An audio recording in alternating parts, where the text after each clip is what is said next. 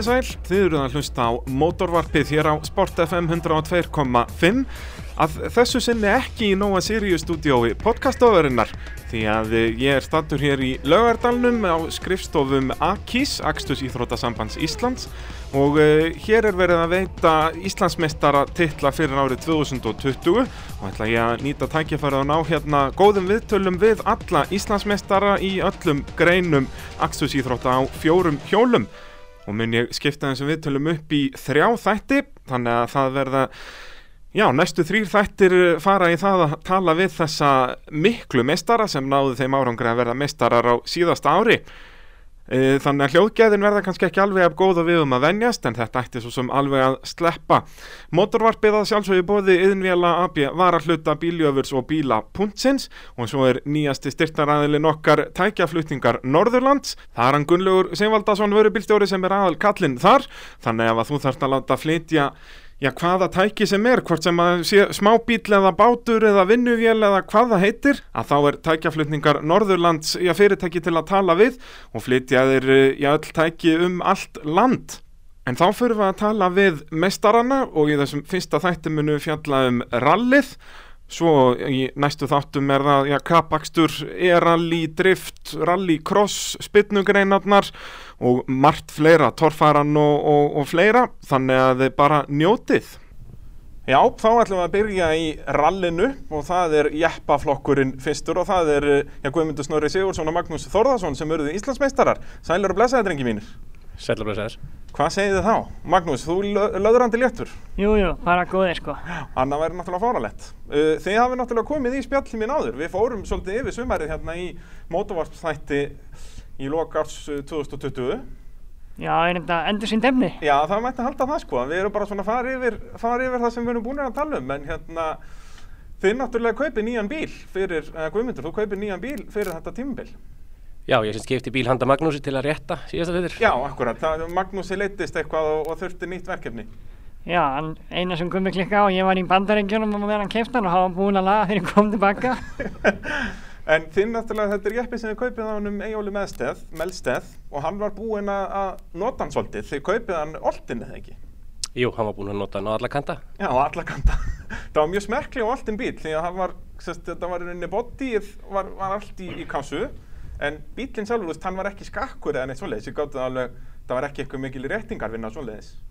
Þetta var mest á botíinu, skiptum hann eitthvað hotn framan á hann, það var aðeins gengin til hann hjólabúnaðar aftan hásingin, Já. en það var alltaf lagað. Og þeir náttúrulega þekkið, þetta er sérst Jeep Cherokee sem þið keftuð og þeir náttúrulega voru meistarar á svoleiðis bíl árið 2016, þó að ekki, ekki sama árgerð, en þetta er náttúrulega tölvöld breyttu bíl. Já, þessi bíl er mikið smíðaður og og rosa skemmtilegur. Já, hvað eru svona helstu breytingarnar fyrir þá sem að já, þekk ekki hennar bíl? Það þekkja nú flest allir sem hafa bara síðan myndir af einhverju motorsporti því að hann er, hann er mjög myndalegur þessi bíl. Hann er myndalegur sko eins, eins og við Magnús. já. uh, sko það er náttúrulega búið að kreista mótorinn í þessu svolítið skilur og, og þetta er orðið full manual beinskipt.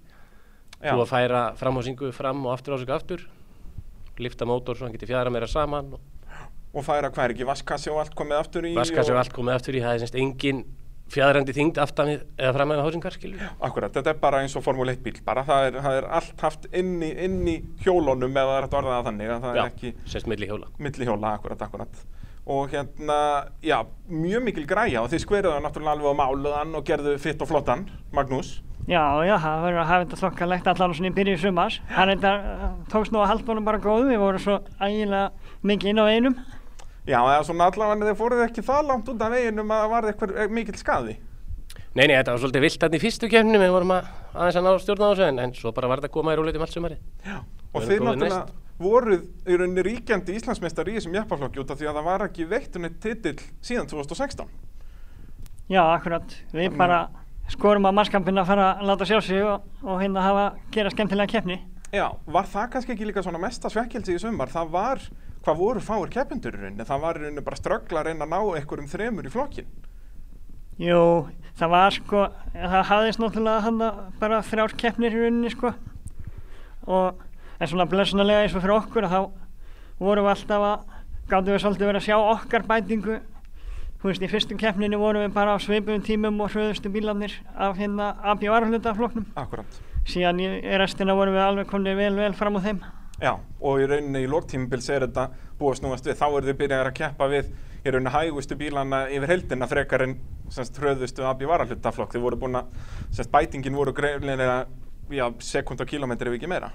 Já, þetta var á leiðinni sko. Já, og hérna þú sagðir að það hefði verið svolítið vilt Guðmundur hann að fyrsta keppnin, hver er svona helsti munurinn á þessum bíl og, og sérökjum sem þið voru að keppa á? Þetta, er var sömulegis bíl sem var mi að miklu liti smíðaðar af, af Eyjólfi sem er nú hansi laghendur í, í þessum rallybíla smíðum uh, Þú veist, var þetta einhvern veginn allt öðru í sig? Þetta er náttúrulega að meira afl og svo leiðis en, en semst handlunin og svo leiðis, var þetta allt öðru í sig? Já, hann er svolítið mikið öðru í sig sko, hann, hann sko, náttúrulega fjarar miklu betur skilur og miklu meira. Já, Já er meira trafil á fjörunni Já, og þú veist, leifir allan fjandan skilur þú getur alveg farið hans út af sko. Já. Og við kannski fyrstu kefni vorum á lengi að reyna að koma í veg fyrir að fara út af skilur frekara eins og, og maður sá líka alveg eins og hvernig Eyjólfur kerði bílinn, hann náttúrulega hefur unniður allir ekki að gefa heldina á þessum bíl. Ja. hann kerði hann alveg svolítið þannig, hann leiði sér bara hann ímyndaði sér að vegurinn væri aðeins stærri. Akkurat, sko. þú, þú getur stýttið leið í það sko. Já, það er svolítið svolítið og hérna þið, það kannski hægði á okkur já í fyrstu keppni að þið voru kannski full svona varkárir að þannig, voru að reyna að halda ykkur á miðun á veginum en svo svona urðiði hugrakkari, maður, við náðum bílnum og hérna, það var svona líka ákveðin partur í að, að hérna umkvæmmaður var ekki fáru veiku nema bara fyrstu keppnuna svo var hann á milli leiða og vafinn inn í teppi og allavega hana Já, það var eitthvað sem var að háðir verulega þarna í fyrstu keppna þú varst já, ekki í toppmálum. Nei, það var smá brekka þannig 40 og tekjast að hitta og þetta var Smáðvísin. Djóðsvesen og sérstaklega eins og þarna þetta tók náttúrulega líka svolítið líkamlega á að veist, þið þurftu að vera að skipta um dekkin og leið og, og alls konar svona vesen ofan á það. Já en það sást það á tímanu sem tók að skipta um dekkin. Já hvað voruð þið? Þetta var þarna mjög snemma í kefnum manni að þið voruð eitthvað hvað, fimm mínútur eða eitthvað að skipta um dekkin? Já við náttúrulega skiptum um tvö dekk, þú veist þannig að þú sér heildartíman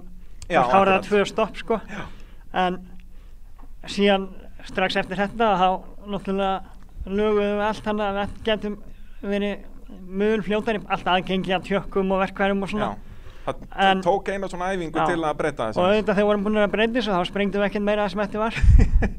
En af hverju voru það að sprengja þetta í fyrstu kemni? Þú talaður um að þið voru að vanda ykkur að vera á veginum og, og allt svona leiðis, var þetta bara ökumensmistök?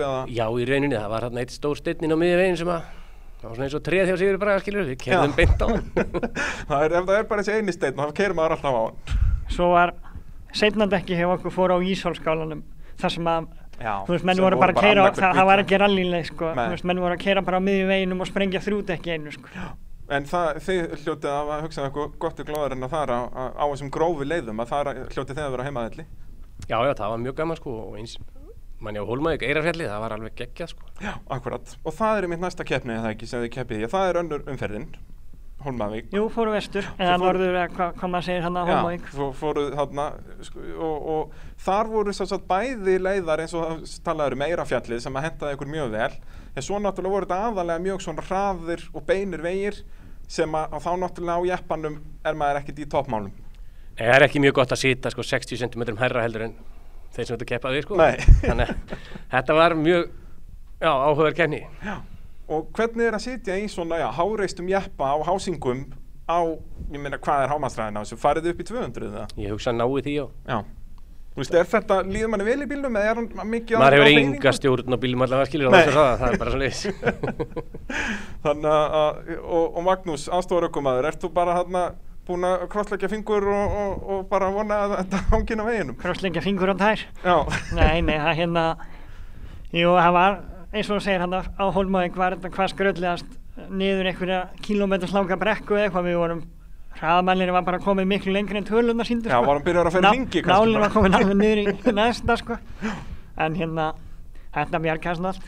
Já, já og já, þetta er nú ekki í fyrsta skipt sem þið keppið saman eru eins og ég segi, voru Íslandsmeistarinn 2016 og, og svona kunnið vel á hvern annan eða þannig er, þú veist, finnst ykkur þið eiga eitthvað inni í samstarfinu eða eru þið orðinni svona mjög jánaðir með hvern annan? Já, mér finnst það búið að vera bara stöðu bæting sko já. og bara alltaf skemmtilega og skemmtilega sko Akkurat Það er, já, sem er ekkert endilega samstarfið neitt sko en spurning bara með ef maður ætlaði að halda áfram að bæta enn meiri það myndi ég hugsa að veri bara nótungerð, meiri details og, og, og þess að það sko. En það er náttúrulega kannski líka vandamál við rally á Íslandi er að það er ekki mjög mikil kvartning til að gera ítalir nótur vegna þess að við erum alltaf að keira sem við leðarnar þá er einhvern veginn þó að það hljómið bjónulega er auðveldar að læra bara leðarnar, bara horfa yngar og eitthvað svoleiðis frekar en að vera að eða öllum þessum tíma í að bæta við já þessum meiri díteilum í, í nóturnar frekar já, þú getur bara lært leðina Já, já, já, það er vissulega rétt sko en já, það sem ég er að tala með með þér skilur um mig að þú veist, hérna bætir við á megin skýr og hérna kannski hakkar þið upp um hraða í gegnum begi sem er þú veist, af því að sumar nótunar okkar eru búinar til fyrst sko árið 2005-06 Já, bara þegar þú varst að byrja að keppa með pappa bara. Síðan þá er náttúrulega, já, eða þegar Gummi var að byrja það er eitthvað líka frá honum sko. Akkurat, þetta er svona góður samblanda af bara Suzuki Swift nótum og Toyota Corolla nótum. Já, fyrir tilviljun og þá hérna vorum við að nota saman kerfi alveg frá upphæði báðir. Og eins og til dæmis núna já Uh, síðastara keppnin var hérna auksæringinni fjóraferðir þar vorum við með leðanóttur sem gerða voru fyrir Suzuki Swift. Og við Hvað bara árið 2005 eða eitthvað svo leiðis og, og hvernig hendaði það á 200 km hraða á, á 300 hestafla jæppa? Við getum alltaf að nára þannig að það var hefnilegt að vera að kerja fjóra ferðir og það var hefn að bæta sér hraustlega á myndliferða Fyrstu tvær ferðina fóru kannski bara í að leiða sko. Já, svona sannreina þetta, það var ekki mikið eftir að nótunum á síðustu ferðin allavega. Nei, er það ekki, voru þetta ekki svolítið mikið einmitt sko, súkan, já, fer hægt og sér margt? Það voru kannski ímsar beigur þarna sem að voru ekkert beigur á, á, á sérhagíunum eða öfugt. Já, það hjálpaði heldur ekki til að við vorum ekki einu svona sko búinir að fara upp eftir í, þú veist, fleiri ár sko. það var náttúrulega smá hann að fótur og finn út af veðri og eitthvað hvar er þið keft sko akkurat, bara hangað til stuttu fyrir kefni Já, það var alltaf á kafi snjó og skemmtileg hendum uh, Svo náttúrulega keppið á króknum með það ekki, var það ekki þriðja umferðin? Jú. Já, og þar svona fyrst lenduð í einhverjum svona, já, alvörum vandræðum þó að á endanum urðuði engin vandræði. En þegar hvað, þeir brjótið öksul og gerðið á græð? Já, alveg rétt. Við semst hérna fórum vittlust yfir eina hæð og lendum svona hálfpartin út af með semst hægra framhóttin og í svona barði Já.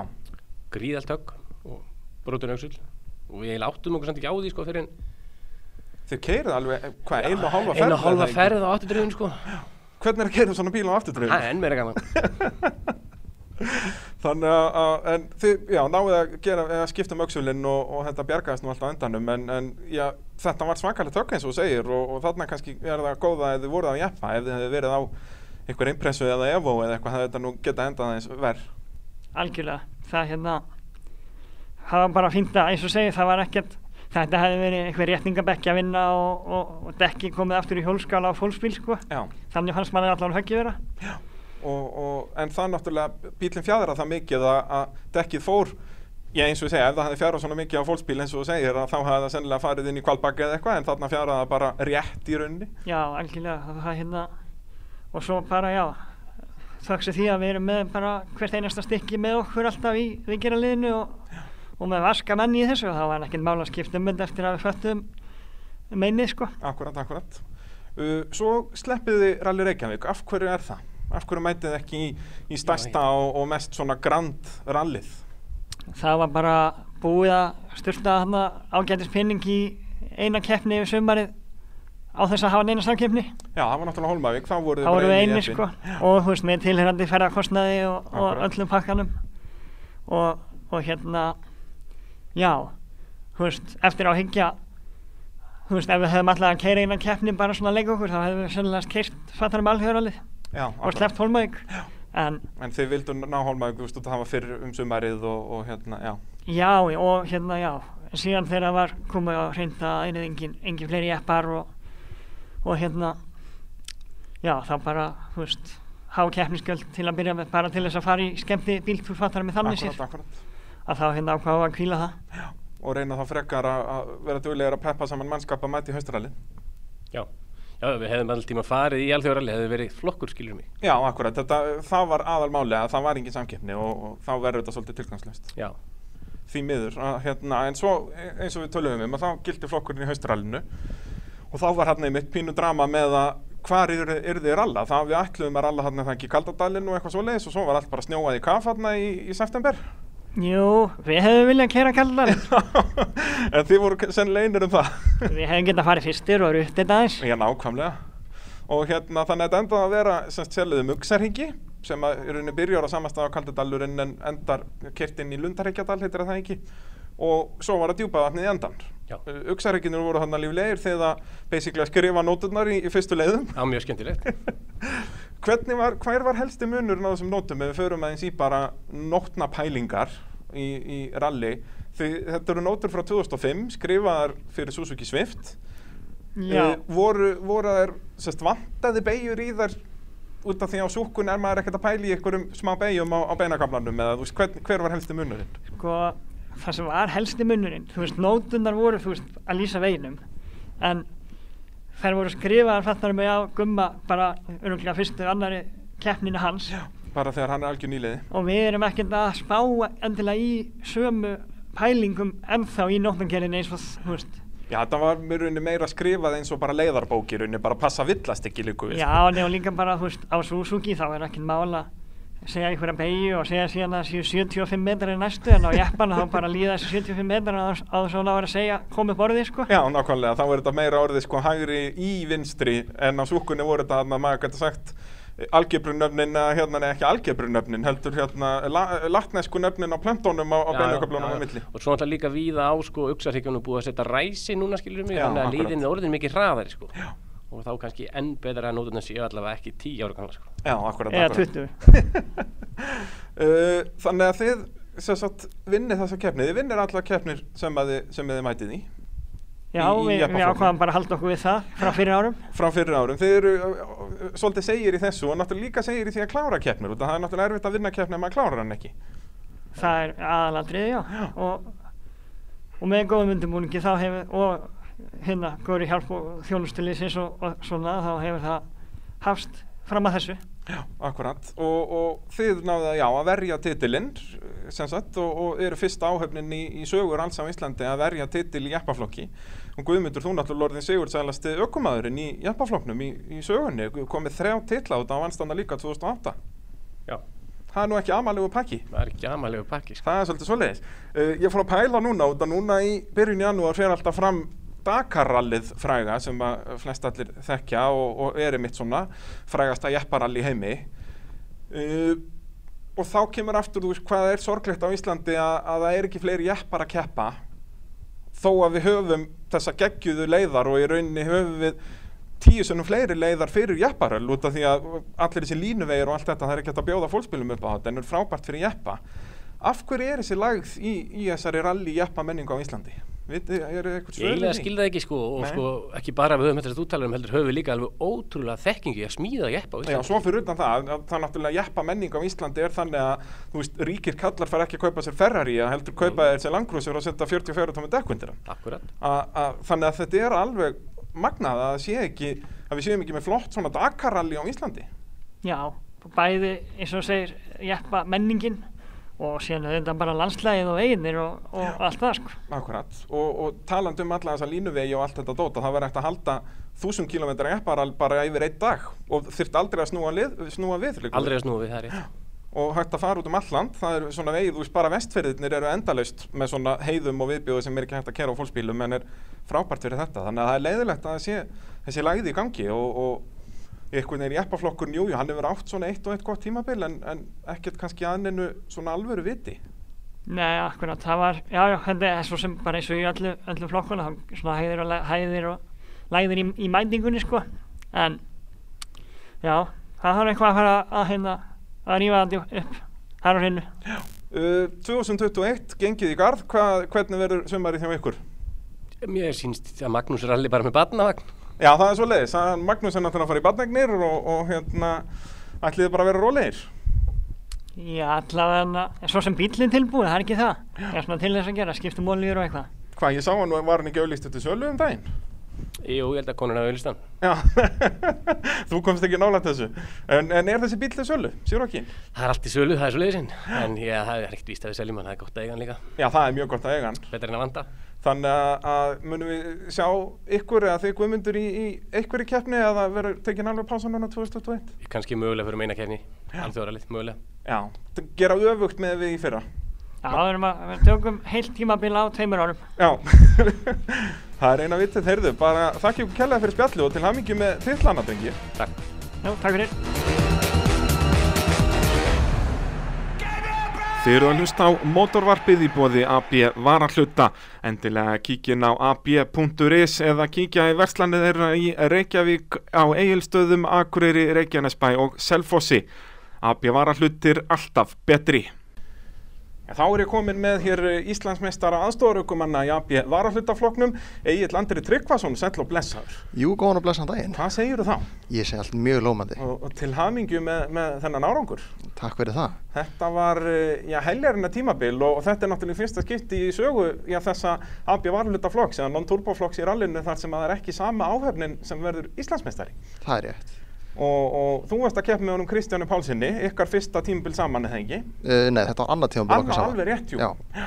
Og hérna, byrjuðu svona kannski tiltölulega rólega en voruð að bæta í hraðan jæmt og þetta það ekki yfir, yfir sumarið? Jú, það var, markmiðið okkar var það að, að taka 2019 tímabilið og, og taka því rólega og sapna kílometrum og kynast bílnum og kynast okkur sjálfum og tengjast almennilegin í bílnum Já. og svo taka tímabilið eftir það og fara í baráttu. Akkurat, akkurat. Og eins og sérstaklega í lóktímubils að þá náttúrulega voruð þið bara í toppslagnum, náttúrulega náðu frábærum sigri hérna í, í lokaðumferðinni. Algjörlega. Og hvað var svona, var það hápuntur sumaðsins, þessi, þessi loka keppni? Ég myndi segja það já. já. Það var svona byrjun tímabilsins og, og, og, og endi tímabilsins voru, voru hápuntur, hápuntar ársins. Já. Hvað hva voru svona lágpuntarnir? Hvað hva voru þið svona mest svektir með ef þið horfið tilbaka? Sko, ég hefði viljað, svona hólandi aftur á það, þá hefði ég viljað ná, ná Rally Reykjavík Já. en ég ákvaða að, kúpla mig út fyrir þá keppni og svo hefði ég viljað vera betur, betur undirbúin undir lesturinn Já. en allavega, allavega frá, frá mínum parti bílsins þá þá eru lágpuntunar ekki, ekki fleiri en það. Nei, akkurat. Ef þú útskýrir þetta eins og bara með svona sambandið ykkar inn í bílnum að hérna byrja þetta svona, voru þetta svona erfiðleikar til að byrja með og var þetta betra? Nei, í raunin ekki. Við vorum, við erum búin að þekkjast í, í svolítinn tíma sko en, en, en við, við vorum all, allir, við vorum í nokkuð góðum gýru. Þetta var aðalega bara ég að detta út úr nótum og, og svona. Þetta var Já. bara, bara undirbúningsleysi í rauninni á, á mína hálfu undirbúinslensi þá veist, voruð þið ekki búin að skoða leðarna nógu vel eða varst þú bara svona ekki alveg í réttum gýr? Ég, þetta var bara ekki, ekki réttum gýr á, á minnum partí sko. Akkurát. Það var, það voru smá syngróðurleikar í, í, í haustum. og já, þú náttúrulega ólst upp í, í kringum rallið, í rauninni Tryggvið pappiðin er búin að vera í kringum þetta já, lungu áður en þú fættist þannig að hérna, er þetta svona algjört passjón hjá þér að keppi þessu ralli? Já, það er bæðið að keppa á stjórna já. mér fara að klæja, klæja puttana við það að fara aftur í, í stjórn sko. en mér langar alls ekki að hætta í, í farþæðsætunu eða þá, þá aukumannsætunu sko. mér langar, langar að halda þessu báð áfram Já og hérna, þú náttúrulega hefur lítið, hefur eitthvað tíma kæft sem aukumæður í ralli? Nei. En þú varst náttúrulega rallycrossi eða það ekki, sem jú? Jú, tók... Og er það svona draumur já að fara yfir í, í aukumannsendið? Já, svona allavega, allavega fyrir þessar minnikjæfnir, svona rallycross-kjæfnir og, og svoleiðis. Akkurat. Ég verði veri virkilega mikið að velta fyrir mér tímaati. Já, en... nú er það náttúrulega alltaf að vera vinsall og vinsall á Íslandi. Að þá er það algjör eða alltaf sérstaklega kannski svona byrja í því og þá getur maður unnið sér upp. Nákvæmlega. Uh, og svo er það náttúrulega það sem er stóri skrítið í þinni fjölskyldu að það er þetta passjóna einmitt að vera stjórna keppnum það er ekki oft sem það er svoleiðis pappiðin keppti mjög lítið og fór síðan og bara hafði mjög gaman að því að vera keppnistjóri og, og svoleiðis þannig að hvaðan, hvaðan kemur þetta? Er þið bara viljið þið fá að stjórna fólki? þetta, er, þetta er mjög góð punktur og mjög Já, góð spurning er, líka það er ekki margir sem er í þessu sko. fólk yfirleitt sem er í svona stjórnunastöðum sko, endist þar kannski í 23 ár og, og er svo alveg komið með bara upp í kokaði og, og fara þá að kjappa aftur eða eitthvað svo leiðis en, en ykkar fjölskylda er mikið búið að vera í þessu þú veist ég sem þau finnst á tímastöðum bara likum við áður og gæst lappað Já, já, það var bara um leiðu ég skildi jáni og stopp og þá verið sendur á tímastöð. Og síðan þá hef ég verið bara starfsmæður í þessu sko hana. en ég, ég veit ekki alveg hvað þetta er. Þetta er, þetta er bara okkur, okkur finnst gaman að stjórna við höfum, höfum mjög, mjög gaman að því að pæla í reglunum og, og, og svona. Þannig að þetta er svona þetta er svona, já bara það er eitthvað Á- ástríða bara, Já, ég segja, það er eitthvað ástriða fyrir þessu og, og það er náttúrulega bara frábært fyrir sportið að hafa svona rugglindall eins og þið, ykkur í þessu. Það, það er nöðsinn Já, alveg nöðsynlegt sko, það er, það er bara svo leiðis við förum þá aðeins yfir tímabilið fyrsta keppnin hérna á Reykjanesi IFS held á keppni, hvernig gekk hún svona hjá ykkur? hún gekk heilt yfir nokkuð vel. Já, það hérna, lendum í, lendum í smá pústörleikum á uh, í lok djúbátni í skóla held að það hafi verið önnur umferð yfir þar, önnur eða þriðja umferð. Já, bara hérna voru ekki kerð þrjárferðir um djúpa þarna? Þarna Jú, jú, þetta, þetta var í, þetta var í sagt, síðustu umferðinu, við vorum að leiðin aftur inn á aukugjeri Stapafell. Og við vorum að koma út af leiðin og þar springur pústið þar. Já, og við förum inn í, inn í þjónustu eftir leiðina og, og rífum, re- rífum örgulega þrjá fjóruða af pústinu undan bílum og pældum ekkert í því hvar fremriðendin var þannig að við heldum áframinu aukugjeri Stapafell, þar töpum við öllum gýrum alveg rétt já, ég man eftir því. Já, Og- það, það var bara því að pústendin, fremri pústendin satt og var bara að bræða fóðringuna fyrir skiptirinn. Alveg rétt, já, þetta rauninni ekki bílun í gýr kassa heldur bara í skiptinum. Nákvæmlega. Og þar flegi ég upp höndum og, og allt er ömulegt Já, og Kristján finnur síðan þriðja gýr og við klárum inn á Patterson í þriðja gýr og náðu að koma bílum að staði þriðagýr sem er nú ekki, Já. er ekki hlaupið að því. Na, alls ekki.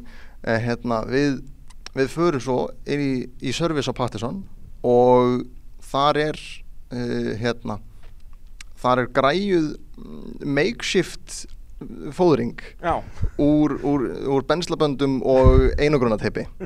Bara eins og á að gera þetta. Já, já, voru, við vorum búin að mixa saman fjórum eða fimm serviceum og, og, og hérna síðan síðan förum við að stað inn á, inn á sérleðina og þar vorum við komin með fyrsta annan og þriðja Nú, sko, allt að gerast. Ná, nákvæmlega. Þannig að við kláruðum rallið með, með Þessa þrjá gýra Já, og svo, svo reyndar skárum við líka sko, flangsa á pústið þannig að það uh, pústaði niður í, í staðin fyrir, fyrir áfóðringuna Þannig að þið voru ekki að bræða benslinn ný og fín og, og, og, og límbandið Nákvæmlega. Svo náttúrulega er mjög mikið og, og erfið áskorun hérna í Hólmavík í, í þokunni þar sérstaklega fyrir aðstofarukumar hvernig, hvernig gekk það? Það gekk merkilega vel. Já. Við vorum náttúrulega búinir að taka þessa leið árun áður og, og stóðum okkur helviti vel þar og við gerðum rosalega góða nótur við þurftum lítið sem ekkert að breyta þeim. Vorum aðalega að taka út nótur sem voru Já, þá bara ofauki sko. en það var það var svona það gekk helviti vel myndi ég segja. Það hérna var, Bara miða við allt og allt út af eins og ég segja, þetta voru mjög erfiðar aðstæður Já, það var eina sem ég hefði viljað, hefði viljað að, að það var að við værum aðeins betur vaknaðir, aðeins betur tilbúinir í daginn. Við vorum báðið svolítið þreyttir og svolítið svona, svona eh, Svona já, erfitt að fara í gangi eða þannig já, já. Þannig að, þannig að við, við vorum svolítið hægar yfir þarna fyrstu, fyrstu, fyrstu tvær ferðinar voru svolítið hægar en við, við hefðum sjálfur viljað. Já Og, og svo náttúrulega kemur krókurinn. Jú, og það aftur gekk svona ágætlega. Er, þá eru þið aðalega að berast við hann vikar eða ekki? Jú, þar voru við alveg í bara sekundusplagi við, við vikar. Vikar það- búin að velta impressunni sinni maður og allt í steg þar. Algjörlega. en hann náttúrulega, hann hægðist ekkert á honum í rauninni, það var bara bodyið sem var tjónað. Já, hann, ef ég skil, ef ég mani þetta rétt þá, þá fór hann ring og lent á hjólunum og held áfram. akkurat, akkurat. En það var við sprengdum á örgulega sama steinu og einhverjir 5-6 aðrir á mælufestalnum. á bara fyrstu leið, bara uppbyttir og það er mitt voru, það var bara annarkur bíl sem sprengdi þarna Nákvæmlega. Við, sko, við keirðum fram hjá hirti með sprungið akkurat og við vorum búin að finna sko gummilikt og við hugsaðum, nei, nei, þetta er, þetta er bara frá honum. já, Svo heldum við áfram og svo leit, leit Kristján í speilin og þá var bara brjálaður reykur og, og, og lyktin með því og Kristján er eitthvað, nei, nei, það er sprungið á okkur líka. Já. Þannig að þá skundum okkur út af og hann tók 5 mínútur að, að skiptum dekk. akkurat Svo og þá náttúrulega tapiði svolítið rallinu þar Eh, Nákvæmlega. Síðan, síðan eftir það þá vorum við í rauninni bara að reyna að ná vikar eftir sko. akkurat Og við vorum, ég held að höfum á Vesturdal þá held ég að höfum verið mínút á eftir honum. já. Eitthvað svoleiðis. þannig að þið voruð alltaf að reyna að ná út að hann tapaði náttúrulega minni tíma á veltunni heldur en þið töpuð á skiptum dekk Já. Uh, svo náttúrulega ert þú ekki með honum Kristján í alþjóðarallinu. En svo mæntið aftur saman í haustralli og það náttúrulega þá smallet allt saman. Þá eru þið bara að keira hraðast yfir, yfir auksarhyggina Mhm. og, og svo í erfið aðstæðanum á djúbaðandi djúbaðandi náttúrulega var alveg á floti. Alveg, þetta var, ó, Og- þetta var ónýtt vegur. Já og hérna og það samt virtist ekkert há ykkur. Þið bara svona kerðu svolítið eftir aðstæðan Já, í rauninni sko, það var, við vorum svona að reyna að fara út í kantana á pollinum á djúpavatninu og, og við vorum búin að skoða auksaríkina nokkuð vel já, og vorum búin að sjá sko hvar við ætlum að skera yfir í línurnar og, og, og mixa saman beigjum og, og svona. Búin að svona pæla mikið í leiðinni. Já, það sem að, að auksaríkinu voru kerði fjóru sinnum Mhm. og ákvaða að reyna, reyna að ná sem mestum tíma á auksaríkinu sjálfum til þess að við getum þá frekar slakað á inn á, inn á djúpavatninu Akkurat og það náttúrulega og þessi sigur treyði þér titilinn aðstofarökum, hjá aðstofarökumönnunum og hvað er það planið fyrir 2021? Við ætlum að taka annað tímabil? Þá hlýtur stefnan að vera sett á titil. Já, sko, það, núna kemur sama saga og, og hjá mörgum öðrum, það er peningandi segja nei, Já, það er náttúrulega erfitt að fá sponsa á svo leiðis í þessu ástandi og algjörlega, og svo, svo er búrið og orðið gamalt í bílnum og það þarf að bæta við bógum og krossum. Já. Þannig að við, við ætlum bara að sjá til, já, okkur langar alveg að taka eina eða tvær keppnir, en því verðið að ná titlinu núna, núna er með, allur meðbyr með ykkur, það gengur ekkert að hætta núna. Nákvæmlega, ha. en okkur langar að taka eina eða tvær keppnir, en það þarf eitthvað grunum með stórfengilegt að gerast ef við, ef við tökum tímabil, Já. allavega ár, en planið er sett á, á endurkomi 2022. Það er svo leiðis, þá hérna bara óska ég ykkur velferðar árið 2021 og, og 2022 og, og til hamingi með titilin. Takk fyrir það.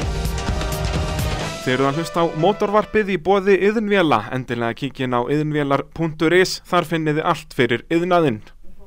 Jú, þá er komið að Íslandsmeistari, Íslandsmeistara Ökku Þóra í AB varahluta flokknum, samt að blessaður Ívar Örts Márásson. Blessaði bara Eminn. Við náttúrulega fórum alveg svolítið vel yfir þetta hérna í lok 2020 í, í mótorvarpinu, en það er alltaf gaman að tala um sömu hlutin aftur. Já, það segir þér satt. Og alltaf gaman að rifja upp líka gamlu tíman okkar. Já, það er dásamlegt sko. Nú kannski tö- tölum við minnum það og tölum bara um 2020. Já, annars getum við klárað hana þátt sannilega því. Já, það annars bara verður ekkert pláss fyrir alla hérna Íslandsmeistarana, það er bara svo leiðis. Og. Þú vinnur allar keppnir sem þú mætir í það ekki Jú, og nánast með fullugussi stiga. Það var ein og ein ofurleið sem þú náður ekki að vinna. já, tvær held ég. Var ekki Hólmavík og haustralið? Nei, og, og Rallir ekki. Óraður ekki ekki, jú. Akkurat. Uh, og þá náttúrulega fer ég beint að tala bara um það. Af hverju var ekki allt 100%? Af hverju, hvað er það ekki Jósef sem að vinna þig á, á, í Hólmavík? Já, tökum Hólmæk og svo kemur hérna... Kristján Kristján og? Egil tóku svo í Rally Reykjavík, sko. Akkurat. koma Komum með svona loka árás. það er náttúrulega líka vandamáli út að þú varst yfirleitt komin í mjög góða stöðu í lokkeppna þá náttúrulega kannski meikaði ekki alveg sens að fara að keira 120% í, lokkin til að ná þessum auka stegum. Nei, það er nefnilega málið. Það er svona að reyna að halda frekar á spílunum. Frekar heldur en að taka sjensa. Akkurat, akkurat. Það var svona helsta málið. Svo náttúrulega það sem við töluðum ekki um hér síðast og er það um að gera að tala um núna er það náttúrulega framtíðin því þú seldir bílinn fyrir haustarallið, Já. rallybílinn og keftið rally crossbíl. Já, það passar.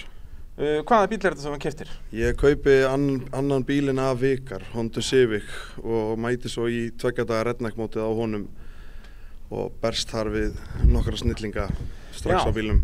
Það hérna og þá er rauninni blómstræði þessi 2000 flokkur alveg og, og er líkur á að þessu árið 2021 verði þetta mikil veistla í þessum flokk. Já, stefnir allavega í rosalega flott ári í þessum flokki sko. Það verður rosalega gaman að sjá sko.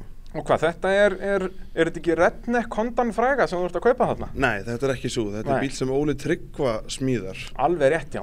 Hinn bílinn hans vika sér inn sko. Þa, það er akkurat, hann átti báðar, eru bæði þessi EG-body af, af, af Civic. Og alveg eins á litin og líta nánast eins út nema fyrir svona nörda eins og mig sem geta þekkt á því sundur. Akkurat, akkurat. Og hérna, eins og við segið, það stefnir í hörku slag í þessum 2000 flokki núna árið 2021. Já. Eins og var í redneck-mótinu. Hvað endaður í því móti? Ég enda í öðru sæti Já, á, á eftir vikari bara. Já, eftir vikari. Af, hvað, vorum átta bílar held ég. Já. Og allir einmitt mjög svipaðir, sko. Þið voru allavega svona hann fimm sem voru það að berjast um fyrsta sendi. Já, það var alveg svakalega skemmtileg keppni sko og með skemmtilegri keppni sem ég hef sem ég hef keppt í sko því að rosalega mikil baróta, mikil góðum ökumunum og góðum bílum sko Já, mikil tæki allir þessi bílar sko, rosalega skemmtilegt sko og það er einmitt bjútið við 2000 flokkin eins og hann er í dag að þetta er einmitt allt svona miklar græjur. Já, þetta er það sko. Þetta er ekki eins og það var á tímabili það voru þetta mjög mikið bara svona bílar að koma úr 1600 flokknum og keftu í 2000 bara svona. Já, akkurat. En núna er það ekki þannig, núna er þetta, já eins og þú segir rosalega margir svona öflugir og skemmtilegi bílar sem er búið að láta vel í sko. En já, hvernig ætlar að vinna Akstu síðurðarmann ásins á, á þessu ári? Hann, hann var alveg með þetta í hendi sér hann í redningmótinu. Hva, hvað þarf að gera? Ætlar að breyta bílum eitthvað? Eða? Já, það þarf að umtöta honum öllum sko. Hann já. er eiginlega snýrfrekar á röngun heldur en öfugt sko. hann er hannaður fyrir vikar sko en ekki þig. Já, já, já, já. Nei, hann er rosalega mikið mikla vinnu sem þarf að leggja í hann sko. En við sjáum hvað við gerum. Já. Uh, tölum aftur um árið 2020 þennan Íslandsmestaratitil. Hvað var svona hápunktur sumasins hjá þér? Ég veist að hápunktur sumasins hafi bara verið ég veist að hefði verið suðunisarali bara hvernig þetta byrjaði sko. Já. Það var alveg ótrúlega skemmtilegt sko. Þú sást þarna út á serða strax þá að, að heyrði já ég er bara helvíti hraður og þetta, þetta á eftir að vera gaman í sumar. Já og þá svona þurft að sparka svolítið í mig sko að því ég lendi hérna í ríkjuna á næsta bíl og tapa öllu sem ég er búin að vinna upp alla morgunin rétt, og þurfti svo að ná því eiginlega bara spóla því tilbaka og næja hérna í rauninni bara sama fóskot og ég hef búin að byggja upp allan daginn á einni leið Já. sem að var rosalega skemmtilegt sko. Gaman að fá svona pressu þó ég hef ekki verið brosandi akkurat þarna á þessari stundu. Og svona eftir þetta var þetta rosalega þá er þetta sem sittur upp úr sko. Akkurat. þurfa rosalega að sparka í sjálfan sig og, já, og íta petalunum niður. Keira aðeins hraðar um aður Já. Já. Og það er einmitt málið með að, að hérna, út af þú hefur verið að keppi í ralli aðalega þarna 2018, keftir, keftir ekkert 2019 eða eitthvað smá? Eina, mætti eitt haustrall, við einar mættum eitt haustrall. Og, og þú hafðir raun aldrei verið, þú hafðir aldrei unnið keppni og vissulega hafðir verið í, svona kannski toppslagnum einu og eina sérleið en aldrei, já, verið svona upp þér heila keppni, Nei. þannig að þetta er, já, ég trúi því að þetta hefur verið svolítið hápuntur átna í fyrstu kefni þegar þú mætir og bílinn loksins í fullkomlu lægi og þetta bara einhvern veginn small allt. Akkurat sko, svo bara eins og alltaf ég heitlast rosalega að hafa mikla samkefni, það já. gerir þetta langt skemmtilegast sko og það er náttúrulega sem vandaði mig kannski mest í sumar, maður hefði viljað hafa meiri samkeppni sko, þá var flottist rákar að vera þarna sko. Já, það var einhvern veginn alltaf kannski bara einn eða tveir sem voru að berjast við þið sko, það vantaði þetta eins og vorum að tala með í rallycrossinu þegar voru fimm að berjast. Akkurat, það er það sem er svo gaman sko, að þurfa virkilega draga út öll trompin sín til þess að halda sér sko. það er svo gaman sko. það er það sem ég elska og heitlast svo mikið að við þetta sko. Akkurat og, og Já, við vorum náttúrulega að tala við Egil hérna áðan því að hann var Íslandsmestari aðstofrökumanna í fyrsta skiptið þessum flokki í sögunni þar sem að er mismunandi áhafnir í runni aðstofrökumar og aukumæður. Af hverju varst aldrei með sama aðstofrökumannin? Hvaða, hvaða rugglu var að þér?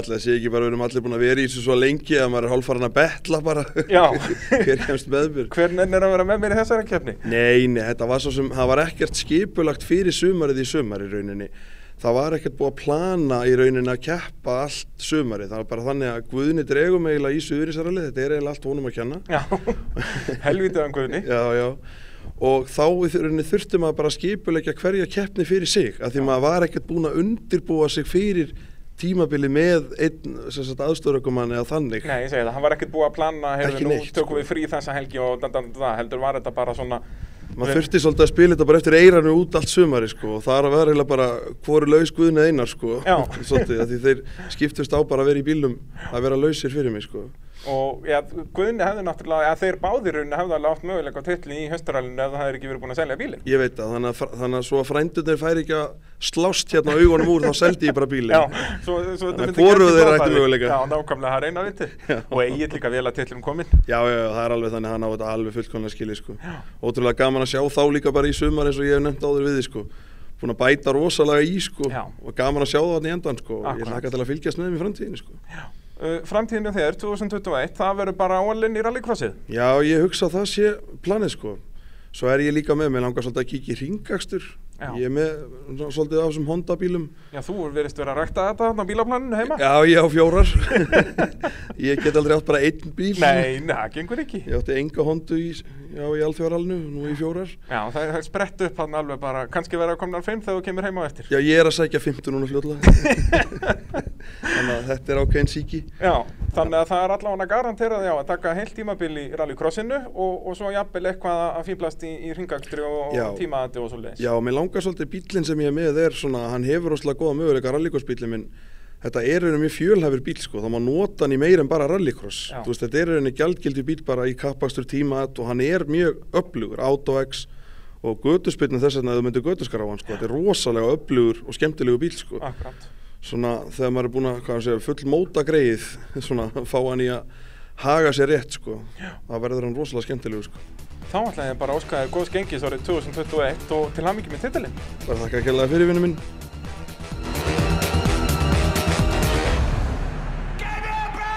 Þið eru að hlusta á mótorvarpið í bóði Bíljöfurs, frábært bifræðavestæði á smiðjavegi 34 gul gata og þeir eh, gera við alla bíla bæði stóra sem smáa þannig að ef að eitthvað er í vandræði með bílinn þá endilega kíkja upp í Bíljöfur. Og Íslandsmeistarar í flokki A í rallinu, það eru Daniel Sigurðarsson og Erika Eva Ernarsdóttir, sæl og blessuð. Kondur sæl. Hvað segir þið þá? Bara gott. Er það ekki? Jú. Daniel, við náttúrulega fórum svolítið yfir, yfir uh, já, gengið árið 2020, hvern, tók ég ekki viðtalið eftir Holmavík, mér minni það. Jú, gott ef það var ekki bara í júni, hérna enda júni eitthvað svo leiðis, rétt eftir Hólmavík. Kíkt í kaffetíðin og við fórum yfir málinn, þannig að þá kannski talaði meira bara við Eriku núna um, a, a, um hvernig það er að vera aðstofrökkum hjá, hjá Daniel. Það sóma sér miklu betur Er að það tala hana, sko. Sér bara fegur það munin, sko. Já, nákvæmlega, nákvæmlega. Uh, Erika, hvernig, hvernig byrjaði þetta? Þú veist, varstu búin að vera að fylgjast mikið sem sagt, með Danna náttúrulega í, í rallinu og var þetta eitthvað sem þið langaði alltaf að gera eða var þetta meira svona Danni bara ítaðir inn í bílinn? Já, eða sko, ég horfði náttúrulega á hann Og svo einhvern veginn allt í einu þá sagði hann bara, hei, viltu koma að rally? Já. Og það var akkur þegar ástu var ólétt og þá er svona, wow, keppa í rally? Ertu klikkar? en ég einhvern veginn, ég var bara strax til í það. Þannig að við slóum á það í 2018. Var það ekki? Hvað Já. var að gera rally Reykjavík 2018 sem Já. fyrsta keppnin ykkar? Já, það var fyrsta og það var mjög stórt. Já. og en það var bara múkslega gaman og ég bara mjög þakklátt og ég bara fyrir að hafa gert það og hafa þórað að fara í það. Já, var þetta, þú veist, varstu alveg hrætt fyrstu kílómetrana eða einhvern veginn, varstu bara beint Uh, komin í þess zone eða þannig? ég var ekki, ég var ekki hrætt, ég var bara pínu stressu að fara að lesa, þú veist, ég er ekki Já, það er ekki, þetta var meira svona, kannski hræðsla um að þú myndir feila eða þannig frekar en að þú verið bílhrætt. já, ég er alls ekki bílhrætt og ég var bara, það var skrítið að Danni var að treysta mér fyrir að lesa að einhverjar svona nótur og ótrúlega hratt og eitthvað þannig að strax eftir fyrstu leið þá var ég bara svona ok, þetta er, þetta er, þetta bara gengur vel og vandi að eftir að ganga vel næstu tótaða líka Já, akkurat, og það er náttúrulega fóruð í, í stærsta challenge strax bara, það er Já. að rally Reykjavík fyrir þetta keppni. já, það var, það var svolítið mikið en það var mjög gaman Uh, þið náttúrulega lendið í bastli, Daniel, í byrjun af þessu keppnistímubili þar sem að þið fengu bílinn ekki úr tolli, er það ekki? Jú, það var svona eiginlega grunnurinn að veseninu að, hérna, að við vorum ekki sponsoruð á tóttgæslunni í Reykjavík Já. eða eitthvað álíka og hérna fengum svona eiginlega hálfgerða meðferð eins og við værum sko Al Capone eða, eða eitthvað þaðan að verri sko frá tóttgæslunum. Þetta var eiginlega bara ótrúleg sena sem að ég kann ekki einu svona útskýringar á þar sem að aldrei þessu vant var ég með allt á hreinu og, hérna, og, og fekk samt eitthvað. Ég, hérna, ég veit ekki hvað það var en það, það, ég hef aldrei fengið neina villindi skýringar en við lendum bara raunar í allsherjar tekki á bílnum á vagninum og það var bara allt nýr í þú veist skrúa allt í sundur eins og við verðum að reyna að flytja fíknefni eða, Já. eða eitthvað annan ólega varning og ég held að þetta tekið átta vikur Átta vikur allt í allt. átta vikur að fá búnaðin út Og þetta er sem sagt skótinn, keppnisrally bílinn, hann Já. kemur hérna í svona vagni sem sagt Já. og, og með varahlutum og öllum, öllum Já, pakkanum. með þess að bí, bílinn kom í 20 þetta gám Já. með varahlutunum og vagnin stakkur Já, það var já, var hann kemur svoleiðis? ekki inn í vagninum. Nei,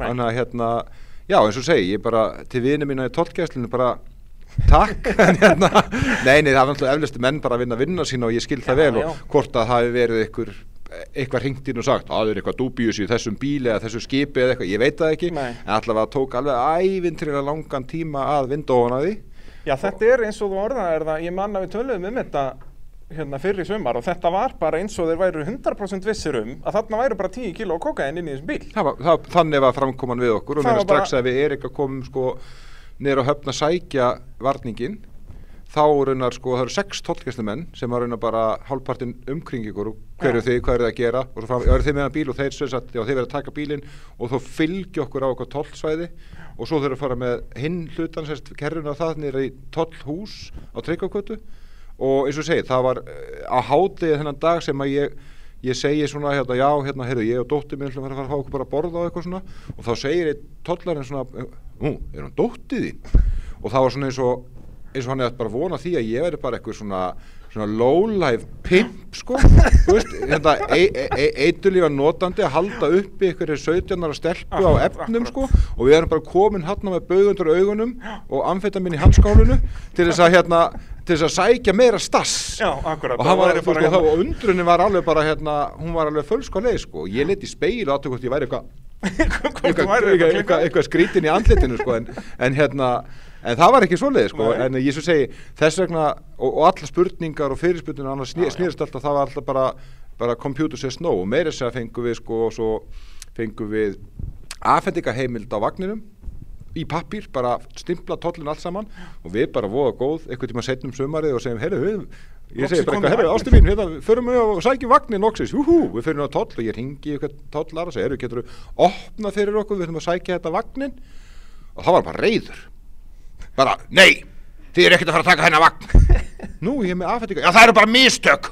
Þið, það er ekki búið að, að, að það er ekki búið að rannsaka þetta eða eitthvað. Þannig að, að okkur var snúið við aftur þó við varum með simpla aðfættinga þannig eins og segi með fullri virðingu fyrir öllum þú veist að ég, ég efast um að þetta hafi verið persónulegt. Væntalega hafa það verið að elda eitthvað þráð já. sem að leiti náttúrulega til þess að ég er að fara í fimm ári fangelsi. Nei, nei, nei, nei, nei beinustileg við fengum að fá þið út núna já, já, já, þetta fara aftur bara upp á litarhund en þetta var bara skrítið og kostaði náttúrulega þú veist, við mistum þetta keppni út og eitthvað og allt í læg með það. Við náttúrulega mættum í sumar engöngu til þess að njóta það sem við höfum gaman að gera og við nutum þess opbáslega vel að gera það og við, við höfum að segja fyrir tímabilið og að þú veist, svo lengi sem við höfum gaman að þess að vera að gera, þá er kannski titill ekkert, það, það er ekkert markmið og ekkert sem að er bara að sé gaman og það sé ekki vesen sko Akkurat. og þú veist, og við fengum til dæmis í síðasta rallinu, þú veist, það var ofbáslega gaman fyrir hluta síðustu keppnarinnar en setnir hlutin var bara svona eitthvað sem þú þarft ekki að hafa að halda þegar þú ert orðin sko hálf hundraður eins og ég skilur og hérna Það var óþarfa vesen fyrir gamla mannin Já, þetta var óþarfa vesen fyrir gamla mannin að vera eitthvað, eitthvað, þú veist, með eitthvað blöytan bíl upp á djúbáðatni, sko, og ég sagði alltaf, ég hef bara að fara heim í háttegin og ég hef gert það alveg, þú veist, hérna Eða þú hefði vitað þetta fyrirfram, þá hefðu bara, herði, þetta, við hefðum gaman, ég hef bara, ég hefði þessi ekki, sko. Ég get ekki verið að blöyta bílin Hérna, já, já, skýta hann út Já, nákvæmlega, tómt vesen. Nei, bara keira, þú veist, hérna, tíu miljón frá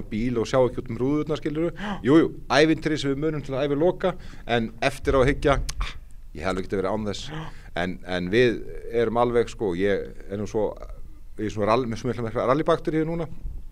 Og við öll, ég og dóttið mín og, og, og sýsti mín og, og við erum að reyna að smita stóra bróður líka.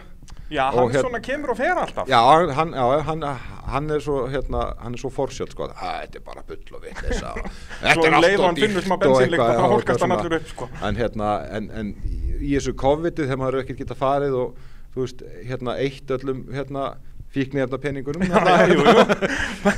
hérna, ég menn þetta meikar ekkert sens og getur verið að kjappa svona rándýrum kappastusbílum en þetta hlýtur að vera eitthvað fíknirna já, já, já, ég er margótt að heyra þannig allavega þá, þá einhvern veginn er það mikið bakteri í mér og, og eigandir alltaf tvo rallybíla. Að mér langar alveg rosalega til þess að, að hérna, koma sýstur og bróður líka í bíl næsta sumar og mér og Eriku og blanda þessu veginn saman, ég fylg bara allt í gröð sko. Það væri frábært líka hérna, fyrir bara rallið á Íslandi Já, sko. og mér langar óbúslega að koma ungu konunni um borði eitthvað, aukumansmegin í eitthvað tæki Já, Já, rallycrossi eða, eða ringakstrið drifti eitthvað sko, því að hún er með bakteríu. Já, já. Og hún, það, ef hún væri ekki með hann framistuðu kvíða sko, þá, hérna, þá væri hún löngu búin að mæta sko, en það er þetta sko þannig þú er að kenna mér að drifta og svo kemur hún bíla auðlýsingar eitthvað bara, er þetta drift á þessum bíl? Já sko, Erika, þú verður samt að passa það á þessu sko, ég hef séð Daniel keppi drifti og það endaði ekki vel. Nei. Hann keppti í, var þetta ekki bara önnur driftkeppni á Íslandi á MS-planinu MS á 2006 Herðu, ég náði þriðja sæti kallið minn og fekk tilþröðavelun Það er svona ekki að dángreita það sko? Þú mættir á, á einhverjum Toyota Twingam Toyota Twingam Já, já, á einhverjum hjólpurudekkjum Já, já, snýrist í ringi og kerði upp í eitthvað barð og, og tók eitthvað svona hérna eitthvað svona stönd þar sem ég sko hekk hálfur út úr bílnum Já, veifandi meðan ég var dæmi já, já, já, já, nema ég gerði ekki eins og Solberg ég datt ekki út úr nei. og hlaupa á eftir hún Þó sko. að það hafði sannlega verið ennþá fyrir nára já, já, væntalega sko. En, en nei, drift á ekki við mig sko. Nei. en hún, hérna, ég sé alveg fyrir mér að Erika geti verið í einhverjum ringakstri eða rallycrossi eða eitthvað svoleiðis af því að uh, það er eitthvað Já, það vantar, vantar Hún er alveg hann að bíladallan og motorsportdallan eftir staðar Já, algjörlega. Uh, áður en við förum að tala um framtíðina, þá langar mér aftur að fara að tala um 2020, þetta þeir náttúrulega mæti fyrsta keppnin ykkar er hólmaðing Já. og þá heldur betur reyndi á samstarfi því þarna var svarta þoka á hröðustu rallileið á Íslandi Já. hvernig var svona stemmingin inn í bílnum hana? Sko, á fyrstu leið þá gekk, mér gekk rosa vel á Já. fyrstu leið og en Danni var í einhverju basli og vildi ekki hlusta mig og held að var eitthvað á bílnum og ég sá hann bara hægt á þessu kæfti eftir, eftir fyrstu leið og þá gekk þetta mjög vel. Já, og, og, Og- þið í rauninni bara rústið þessu ralli í rauninni þó að það er rauninni leiðar sem að ætti ekki að henda skótanum Já. vel hann hefur há, lágan hámasræða og, og allt svoleiðis en þá einhvern veginn bara smell passa þetta og, og hvernig er að lesa leiðanótur í svarta þoku og vitandi að, að Danni verður að treysta þér bara 100% Uh, ég reynir bara að pæla ekki mikið í því, horfa bara niður á blaðið Já, og Danni svona kannski segir já, já, áfram, áfram. akkurant og, Og- þannig að það er svona rithmi á Já. eins og í svona aðstæðan verða náttúrulega að vera að, Algjörlega. út að eins og ég segi, beginn kemur bara eftir 20 metra út úr, út úr þokunni Já, meint. það, það er náttúrulega ákveðin kostur að hún sér sjaldnast út um framrúðun á bílum Já, hún situr hún situr svo óbúslega bílnum. lág og er frekar lágvaksinn þannig að hún er mjög vöndi að stjórna eh, hraða nótt, nótnana eftir tilfinningu. Já, já, hvernig bílinn haga sér sko, fer í gegnum hægri beigð þú, veist, og, og, þú og bara, maður finnur það. Já, og, þú veist, og þannig að, að hérna að, að það er bara eitthvað sem hún er vanist að því að þú veist, alveg svo ásta, hún er líka frekar lágvaksinn skiluru og þær eru miklu minna að spúkular í veginum. Já, já. og þær veit það líka að ég er ákveðin neyðarvendill ef að mér vantar eitthvað eða, eða komið á langt alltaf eitthvað, já, já, já, já, veist eitthvað, það eða rytmi ég talar þetta mjög lítið inn á leiðum en, en samt sem áður þá, þá hérna, ná þær að ég líka gerir mjög stífar nótur þannig að það er mikið lesning Já. og ert ekkert mikið að pæla bara já, byrju við, skulum sjá mm, þetta skiltir nú vera, þetta hægri, þrý Það er alltaf nokkur orð með hverja beigju og, Já. og, og svo metrar á milli og Já. er það eitthvað sem þú lærðir aðal í Bretlandi eða varstu komið með þetta áður en þú fórst til Bretlands? Sko, ég byrjaði bara að smíða eitthvað grunna eitthvað kerfi eftir sjálfur mér sko 1998 með Marra Bróður Já, sem já. við höfum bara byggt ofan á og svo eru komið allskins útgáfur af því og viðbætur og hérna og, og nóturna sem við ásta voru farin að gera í restina raunar af sko bæði Bretlandi og, og, og raunar 2016 þegar komum aftur til Íslands og, og hérna byrjum að kera Subaru eru ofbáslega ídalegar og, og það hjálpar bæði þetta með, með þetta að þurfa ekki að vera horfa mikið út það sé mikið lesning og ídalega nótur að hjálpa sérstaklega aðstæðum eins og við vorum að horfa upp á Holmavík Já. þar sem að, að útsýni mitt var alveg eins takmarkað eins og kóarans en að vera með ídalega nótur og það er einn að endanlega sko skara á milli feiks og ófeiks sko. við vorum bara miklu fljótari og það var ekkert að við vorum bara undirbúið okkur meira eða betur bara að þe þetta rúlaði betur saman Já. og hérna og, og svo er þetta alltaf bara þú veist ákveðin, þú þarft ákveðin pung Já, þú náttúrulega hefur alltaf verið þekktur fyrir það að í erfiðum aðstæðum ertu mjög hraður, hvort sem það sé í myrkri eða þóku eða svoleiðis. Þú, þú ert svolítið á heimavelli í svoleiðis aðstæðum. Já, já, það hefur alltaf hendað mér ágætlega og, og, og kannski mitt þetta með þetta yfir 150 Já, þar líður þér bara vel. Mér líður bara ágætlega, Já. sko ég, hérna, Það er ekkert vandamál og, og ef það er ef að er eitthvað að segja við mig, þú veist vinstra megin beint yfir hæð og beint yfir hæð og beint yfir hæð og svo klippa vel hægra megin beint yfir hæð bara flatt þá slægi ég ekkert af Nei, nei. ef ég slægi af þarna þá er ég endalega orðin og gamall í þetta Já. og þá er bara komin tíma því að fara, í það eitthvað gerist, Já. þá ferði í golfið bara. Já, ef ég get ekki ferðast í því sem kóar mér segir sko, og, hérna, og, og, og þetta svona og ég get alveg viðkjönt það, að það eftir sem aldrun hækkar lítilega þá hérna þá þú fæ ég alveg oftar svona gæsa á tilfinningum millir raskinnina þegar ég er að fara að vaða yfir eitthvað hæð á 160 sem ég man ekkert veit ekkert en kóru segir bara við mig þetta er allt í lagi kallið mig Þannig að þetta er að verði í rauninni bara skemmtilegra með aldrinum. ég, ég, ég get alveg sko sagt að veist, ég er algjörlega með hræðilega rallybakteríu, þetta er ofbúslega gaman sko. En hérna, mér finnst ég vera að, að, að gungast upp.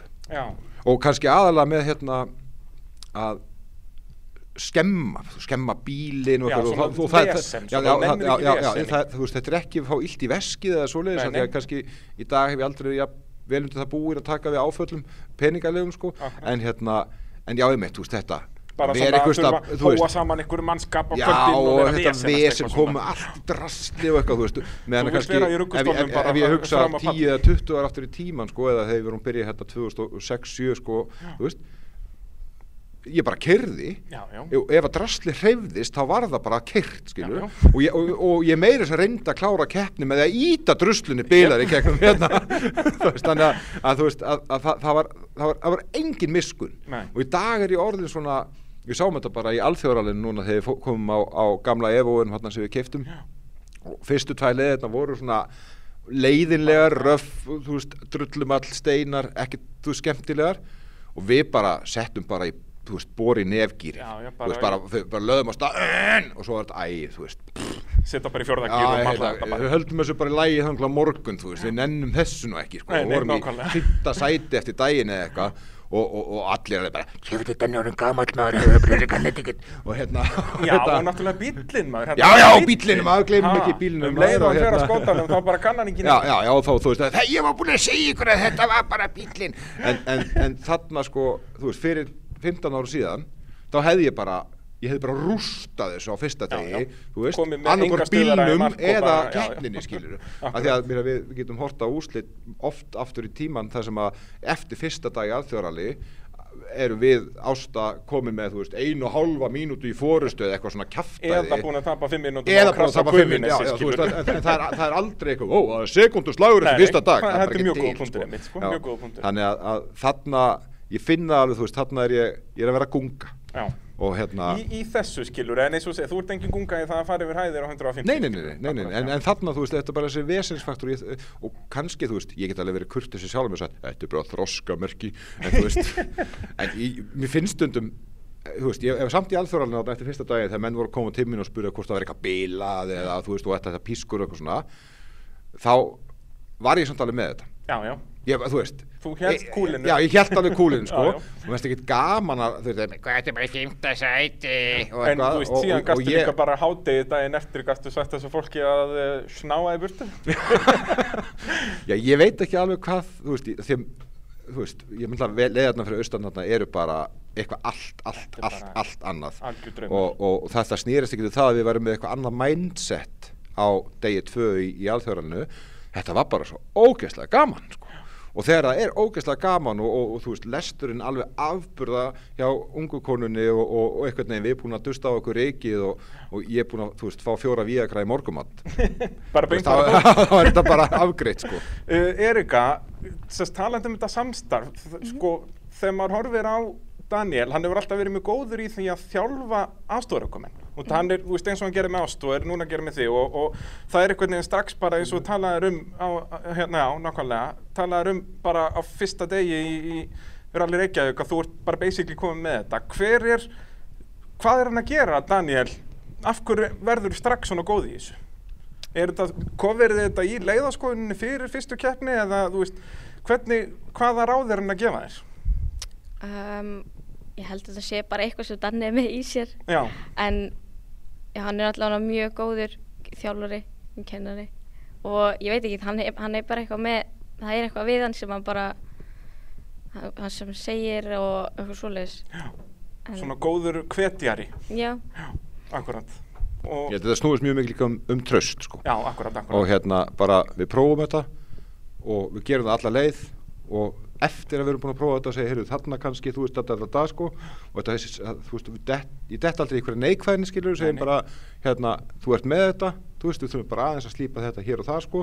Spáðu kannski þessu og spáðu þessu og þessum tíma og eitthvað svo leiðis og svo er náttúrulega alltaf ég ekki að taka hólið, ég er náttúrulega með sko, ég er með uh, sýstu mína sem að er, hún er afburða, hún er algjörlega afburða Já, já. í sko ekki bara lestri heldur kannski aðalega þessari undirbúningnum, bara, já, bara að skoða nótubók frá Ástu Sigurðardóttir er bara líka eitthvað allt annað. Já. af því að þú veist það er bara með áhersluna með litina með sko metnaðin sem að leggja í þetta. Og, og það sem að hún er búin að sapna saman sko reynslu og samstarfi við, við heimsklassa kóara Já.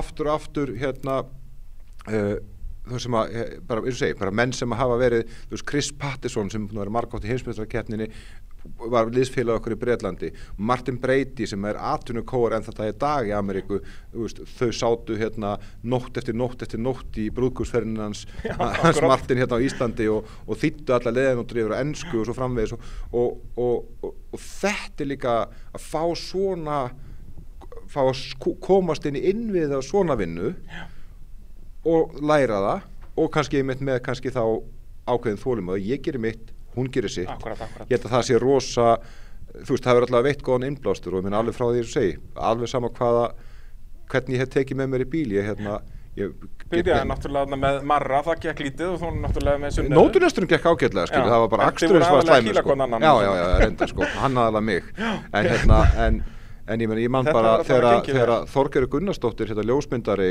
áhuga, motorsport áhuga mann, kom með mér í eina eða tvær keppnir einhvern tíman, þú veist, og hérna, einmitt, að- hvort það var hérna, sko, setni keppni, fórum við um okkur jeppa, þú veist, hrúaldi, og hún var nú aðalega að taka myndir af ljósmyndurinn sem voru að taka myndir af leiðum, sko, en þar svona tókum með sér ykkur nótu frá ástu og svona fór eitthvað svona Svona að vi- vi- vi- virða vi- virða fyrir sér hvernig þetta virkaði með lestur. Svo fórum við á Sauðakrók og þar lendum við í sko bara einhverju baráttu um eitthvað sæti allt í hennu, ó, þá var þetta þoka, já. Við vorum bara komin til að leika okkur og allt í hennu við bara upp á já, í mæluvestali og næstu út að klessa aftan á Jónbjarnar Rólfsson sem var undan okkur það sem hann var bara eitthvað í þokunni bara og þá bara, heyrðu, ó, þá voru allt í hennu komin í einhvers konar hérna svona, þú veist, sigur möguleika, slag og eitthvað. Og þá bara tók Þorger Gunnarsson þessi til og las bara nóturnar bara eins og herfóringi. Og það var búin að fá okkur svona introduction á þess að við hefum eitthvað sko nokkuð tíma leiðaskoðað eða svoleiðis. En bara og það gekk alveg bara ótrúlega vel með við undirbúinsleysi og það var bara grunnvinna frá ástu sem, sem hún var bara farin að skilja og gekk upp sko. En, en hérna en ég líka alveg farið með slæmum kóðurum Já, já, það, hérna. þú, þú, þú veist hvað þarf til til að vera góður já, já, já, ég veit Það alveg sko. og hérna En og, hérna, já, bara til hamingju með, með titilinn, hvernig verður svo framtíðin, Erika? Erst þú að, ætla þú að fara að keira eitthvað í einhverju sporti eða ætli þið að halda áfram í rallinu saman eða? Við mun nú öruglega að keppa eitthvað meira saman. Nei, það ekki, Jú. annað verið farulegt. Já, og síðan stefni ég öruglega bara að kepp, prófa að keppa í rallycross í sumar, Já. ef það verður. Já. Og langar mjög mikið að prófa það. Ég ætla náttúrulega að keppa í fyrra, en ég bara einhvern veginn, ég gerði það ekki. Nei, akkurat, akkurat. Já, og við ég ætlum að, ég er með rallycross bíl sem að ég er bara upp á braut og við ætlum að kannski laga hann eitthvað til, gera hann eitthvað flottan. Sko, þannig að það verður bara virkilega gaman að fylgjast með ykkur árið 2021 og til hamingju með titilinn. Takk.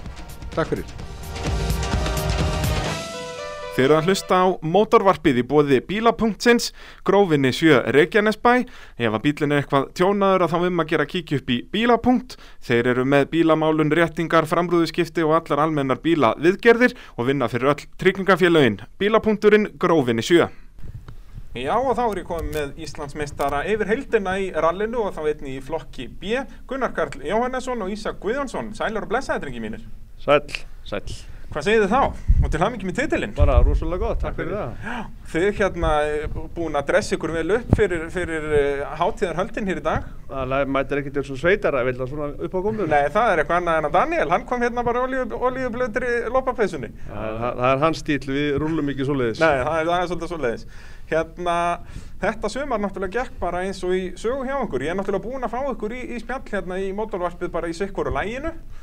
Þannig að hérna, þá er um að gera að fara yfir þetta svona saman, svona allavega svona rúlla létt yfir tímabilið og ef þá ekki bara byrja á fyrstu keppni, það var IFS rallið í vor. Jú. Gróf og, og erfið keppni og sérstaklega kannski Ísáskálinn sem að var, var krefjandi þar. Hvernig, hvernig svona gekk keppnin frá ykkar sjónarhóndi? Hún gekk nú bara mjög vel, hún byrjaði vel. Við minnum að það hefði verið í fyrst sæti eftir nokkar leiðir. Já. Þú tekur það ekki, ég tek Já, það tekur bara Já, við erum að spila þetta eftir eirónum hérna. Þetta gekk ágætlega, þetta var rosalega, bara rosalega gróft. Alla leiðir voru rosalega trikki og mikið malbyggi og alls konar breytingar í undirleginu. Þannig að hérna, þetta var bara í rauninni að lifa af. Akkurat. og við vorum næstu dotnir út náttúrulega. Já, og þið náttúrulega haldi lofti í öllum dekkjum annað en, en helsti, helsta samkeppnin. Baldur náttúrulega endur í því að sprengja þarna. Já, það sprengdi í Ísarskóla við, við komumst fram hjá þeim steini Já, þau, þau komist fram hjá þeim steini.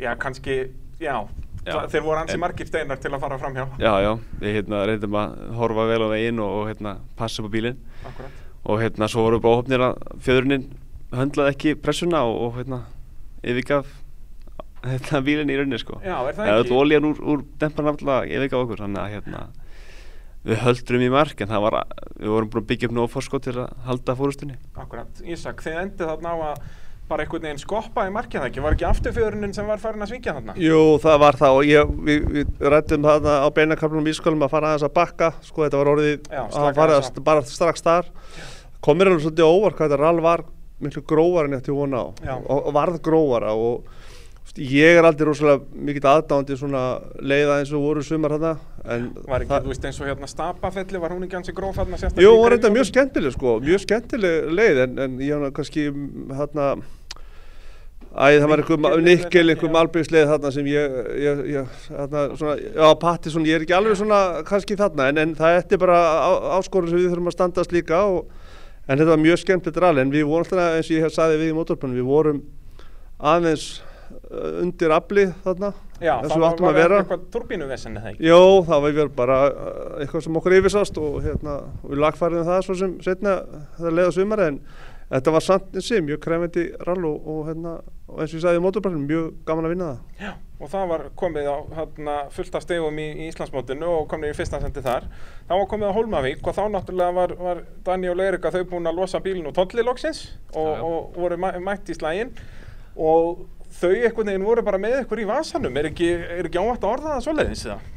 það er bara nákvæmlega þannig ég, hérna, við fundum náttúrulega bara ekkert fyrir aflinu, afleysinu Nei. fyrst af því að við vorum En náttúrulega þá bara að lifa. er hann ennþá eitthvað eitthva turbovesen, er ekki að blása eins og hann á að gera. Já, náttúrulega byrjunin á rallinu er hérna upp langa brekku og hérna það er eitt kapli sérstaklega sem er mjög langur beinn, alveg mjög brattur og þá greinilega f- fundum við það virkilega sko.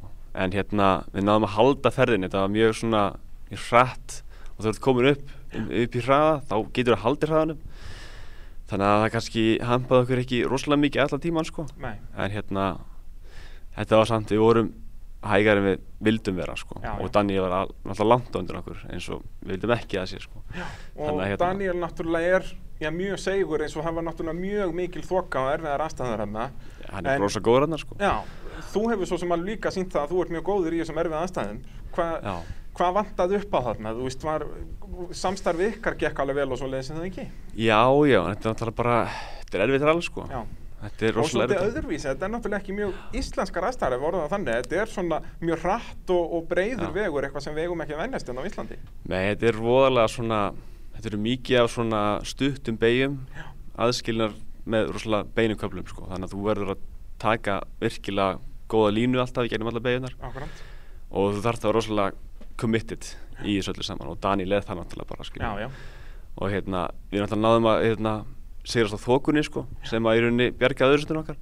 Eða Baldur var náttúrulega alveg í hælunum okkar sko, og við vorum berjast við hann Já, og það náttúrulega var, þið sáu það kannski líka svolítið í hádeginu bara að þið eru öryggir öðru sætinu of langt í danna til að gera eitthvað, voru ekki þá bara tvær leðar eftir, þá, já, þá var held ég, jú, tvær leir bara eftir. tvær ferðir yfir heiðina þarna og sá að fyrstu leið að, að Baldur var búinn að slá af sko, Akkurat, þannig akkurat, að þannig að bara... halda því og halda baldri fyrir aftan ykkur þá værið í raunin að auka fórskotið í Íslandsmóndinu. já, þannig að við bara tókum annarsætti og vorum bara til til að sátti við það en náttúrulega vildum við gera betur næst sko. Já, og Ísak, þá var komið að, að Söðakrók, er það ekki, jú, þriða keppnin á króknum. Og hérna, þar var þetta bara hörku slagur í rauninni gegnum allt rallið við, við Daniel. Já, það var það. Ég, hérna, sko, ég, það kom mér eiginlega, já, það kom mér kannski ekki endilega óvart, en, en, hérna, já, jú, það kom mér eins og óvart hvað það hafi mikið að segja vera með fullt afl, mikið, hvað mikið munur það var, sko.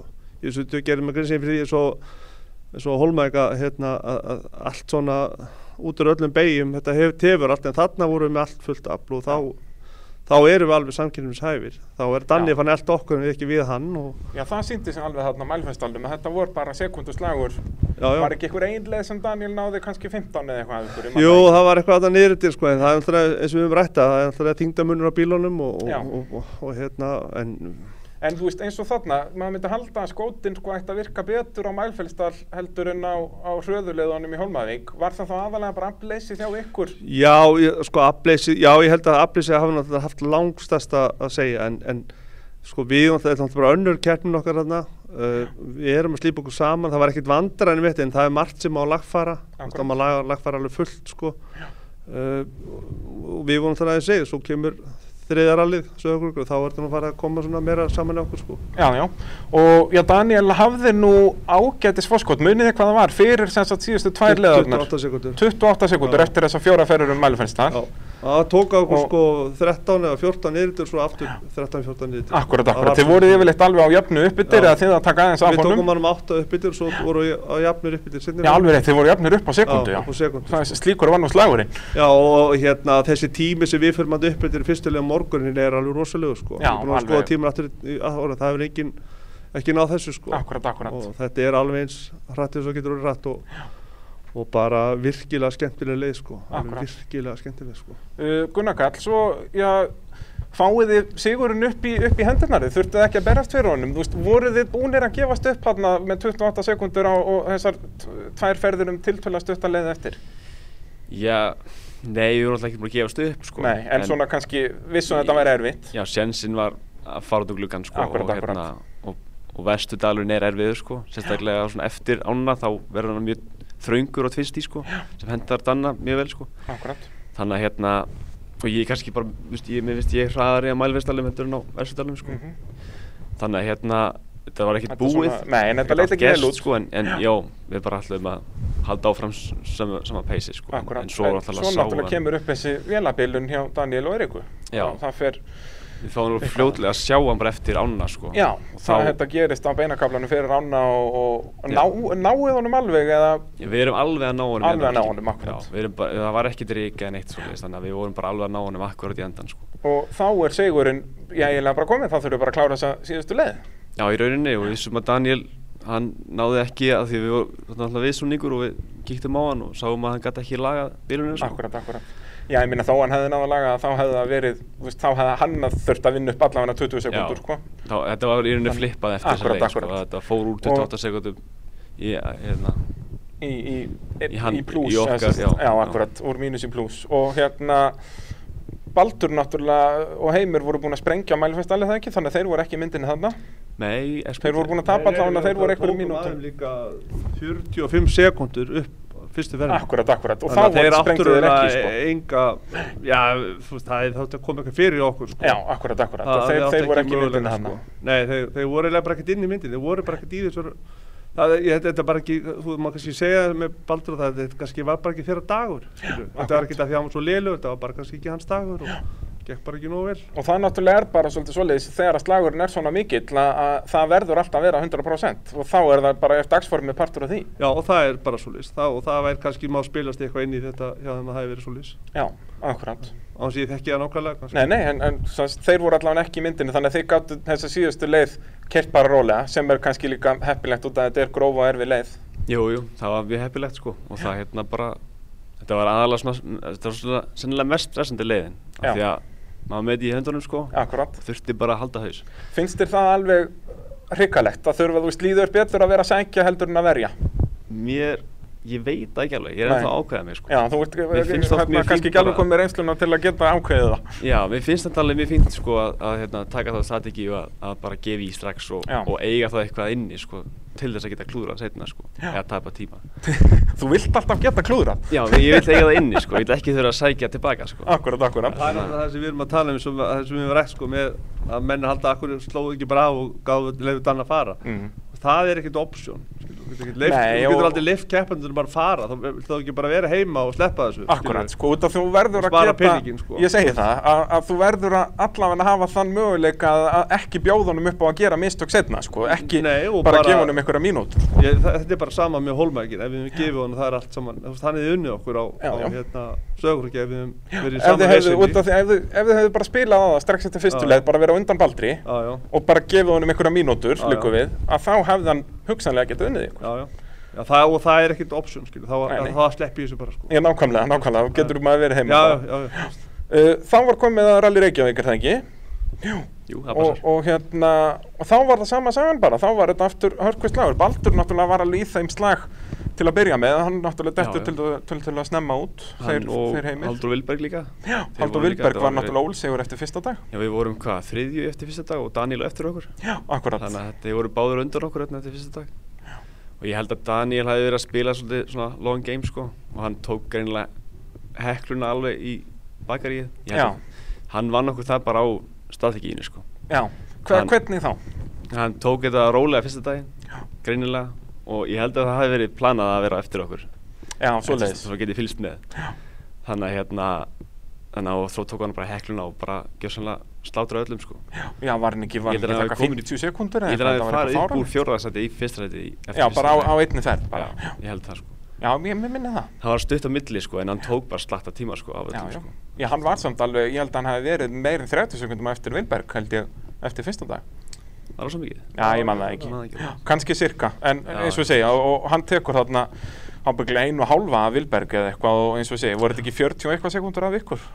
Eða 50? Ég, Þetta var það hellingur alveg. þetta var það alltaf, alltaf mikið sko. Þetta var alltaf mikið, þannig að þá þurftu þið að fara að sækja á hann og, og svona hvernig, hvernig gekk það þessi annar dagur þarna í Rally Reykjavík þegar við vorum fyrir austan Það gekk nú bara allt í lagi svona, svona yfir allt litið sko. Já. Þannig að við vorum í sekundslag á svo Dómadalsvæðinu sko.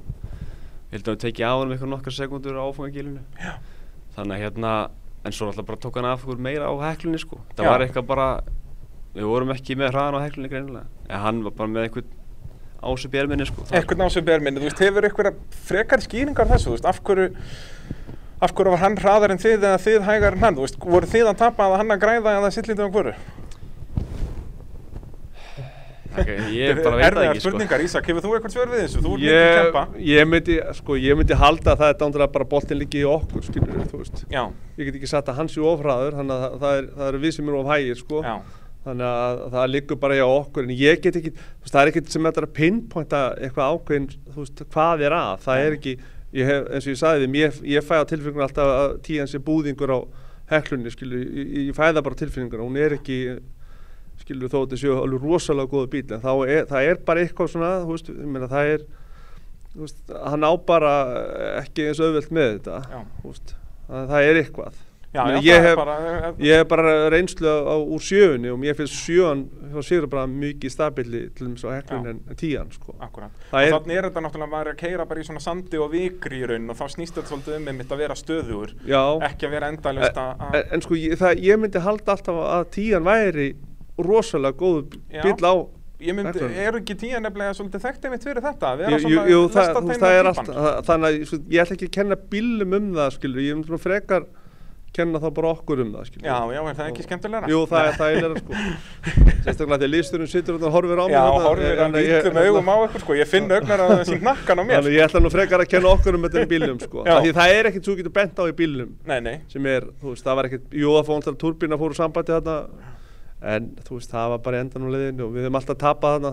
þú veist, skilur leiðinu það með einhverju einhverjum 30 tíma. sekundum með eitthvað sko. en það sem mér fannst einmitt svo frábært í þessu ralli er að þeir eru, eins og við tölum aðan, þeir gáfist aldrei upp. Þó að þetta var hann einhver hvað rúm mínúta fyrir síðasta daginn, að þá vissuðu það að Daniel, hann tapar tveimur og hálfur þreim mínútum á að skipta. Já, já, og jafnvel, og ef þið myndu ná að taka veist, 30 til 40, 50 sekundur honum að þá er þetta bara minnstu mistök sem hann á að gera til að, að þið eru komnir fram úr. Um um það snýst þetta, auðvitað veit ég alveg að það er og gott að vera skynsam stundum og slá af en, en það er bara staður og stund þess að gera það. Og þarna var ekki komin sá staður nýja stund að, að fara að gera það. Og þannig að það er ekkert annað en að halda pressu á honum halda okkur, það er líka bara þegar þú fyrir að kera hægt þá bara fúst, ferður bara að kera ítla skilur, þá bara gerir það mistök það, hefur séð það margóft í ralli að, um leiðu að fara að slá af að þá fer einbíl já þá fer þetta bara allt saman og þá uh, þú veist það gengur ekkert upp. Þannig að það er ekkert annað option en að halda halda áfram sko. Akkurat, uh, Gunnar Karl, þú náttúrulega þið sem síðasta leiðinu djúpavatni sem er þá ofurlið líka jú, jú. og þar var greinilega tekið vel á því þið komið á sprungnu í mark en náðu samt hraðasta tíma eða ekki, náðu þið ekki öllum eða voruð þið með næst hraðasta? Jú, ég held að tekið þetta með 2 sekundum Akkurat, Já. þannig að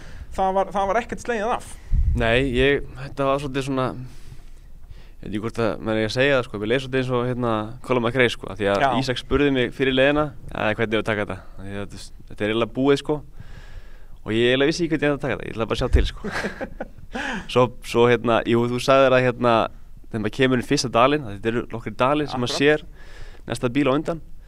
Og ef hann er ekki komin upp í hlýðina þar, þá vorst það að taka á hann. Eða ef hann er að fara yfir hóttinni þá, þá hérna, Það eru nokkri staðar þar sem maður sér hvort maður er að tapa Já, já þannig að ég var búin að sjá að við vorum búin að taka á hann kannski ykkur nokkar sekundur og þá ákveði, já, já, ég er bara í fínu rithma og heldur sáfram og svo voru bara farin að sjá meira og meira í þau sko, þannig að Þetta, þetta var farið að líta vel út. Þetta bara, bara gott flæði og, og ég var í góðu fíling og En svo er það náttúrulega líka bara tákgrænt sko að það er náttúrulega bæði Íslandsmestari í ralli á Íslandi og heimsmestari í Formule 1 sem að kláruðu eina keppni á þreymur hjólum sko. Þetta Lewis Hamilton gerði þetta líka í Formule 1 sko. Þannig að þetta er, allt, þetta er mikla samstæður og það viljum við nú, ha, við viljum hafa það svo leiðis. Já, maður bara, bara aldrei gefast upp sko. Nákvæmlega sko. Það þótti ég að við sprengt ekki sko, fann það að byrja að síga og svo þegar hún kom að klappina þá var bara árið alveg vindlust. Við höfum gert ykkur að fjóra 1,8 km held ég. Á sprungnu og samt eins og segir með hraðasta tíma, þetta var alveg magna Við vorum verið að taka hell á hann held ég sko. Já. Þannig að hérna Jú, þetta bara, það var ógust að skemmtilega leið sko. Og flott leið til að enda allir Reykjavík þátt fyrir að hafa ekki unnið það sko. Akkurat, akkurat. Og loksins hafa klárað það náttúrulega sko. Já og, og já, eins og þú segir, þó við vinnið ekki að þá eru þið komin í mjög góða stöðu fyrir já, síðustu keppnuna og, og þá eru það auksaryggirnir kerðið fjóruðsjönnum og svo farið á djúpavatnið í mjög erfiðum að staðum uh, Ísak, hvað gerist þarna? Er þetta ekki fyrsta ferðin á djúpavatni? Jú. sem að dramaðið gerist? Jú, það er alveg að gerist sjálfs ekki neitt nema leiðin var þannig sér ófær Já, hún var ófær sko. Já, þetta var ekkit uh, skilt við rallileið sko. og úst, eftir að higgja eh, setja menn bara stórt spurningamerki hvort að uh, keira svona leiði sko. Við höfum einmitt oft lengt í þessu í hausturöljum að við erum að reyna að keira djúpavatnið og það er bara ekki hægt í rauninni á sko, þessum tíma sem er ekki í byrjun oktober sem við erum að reyna þetta Ég, er búin að vera í þessu síðan áður því fættust ég hef aldrei séð þetta svona sko. þetta var bara einhver vittlisa sko. en það sem gerst raunlega, við erum fyrir bara í pollana og alltaf í pollana og ég var svona eftir að ég var svona að fara að spá ég hvort við ættum ekki aðeins að dempa okkur niður sko, við vorum alveg á fullri ferð sko. Já. en úst, hann hefur aldrei snúist, hann hefur aldrei gert eitthvað svona bílinn, þú veist, hann bara er eins og við vorum að tala um að tíjan er þekkt fyrir að vera með svona mjög, mjög stöðugur bíl og þú getur farið, þú veist, með hann og veist, fullri ferð sko helmingin á bílum voni í pollinu og samt er hann alltaf þarna bara, bara lestatinnar bara. Já En það var ekki þarna, þetta er tilturlega snemma á leðinni, þeir eru ekki hálnaðir með leðina Nei, nei, nei, nei við erum ekki konir á þessar klapparnar fræðu sem allir standa sko. Við erum svolítið fyrir Svona eitt fjörða á leðinni, kannski eitt þriði búin Já, en með að við tíman sem við dundum okkur í að vera þarna fastir og þá til að næsti bíl kemur segir manni bara það við vorum búin að taka bara strax þarna fullta tíma sko. Já og hérna, og þið, ef þú útskýraði eins hvað gerist þarna, þið farið voni ból semst með hálfan bílinn og hann snýst bara á punktinu mínunni. Já, hann er leið honum að Já, þetta var nú bara klúður hjá mér sko Já, ok, Hva, hvað er það sem fer útskýraði sann? Þetta, hérna, þetta er voðalega elementary og ég skil ekki alveg í sjálfum mér að hafa gert þessi mistök sko, en hérna við erum búin að skoða þetta og í leiðaskoðunin þá fór ég krækti framhjápollir og ég gerir það á mörgum stöðum sko. Já, já, og hérna ég vil alltaf fara ég vil alltaf fara sömu leiðina og ég gerir á leiðaskoðunabílum sko. Og hérna og hérna en þegar ég krækir framhjá hann þá fer ég hans út af veginum sko. Mm -hmm. í förin út á grasið sko.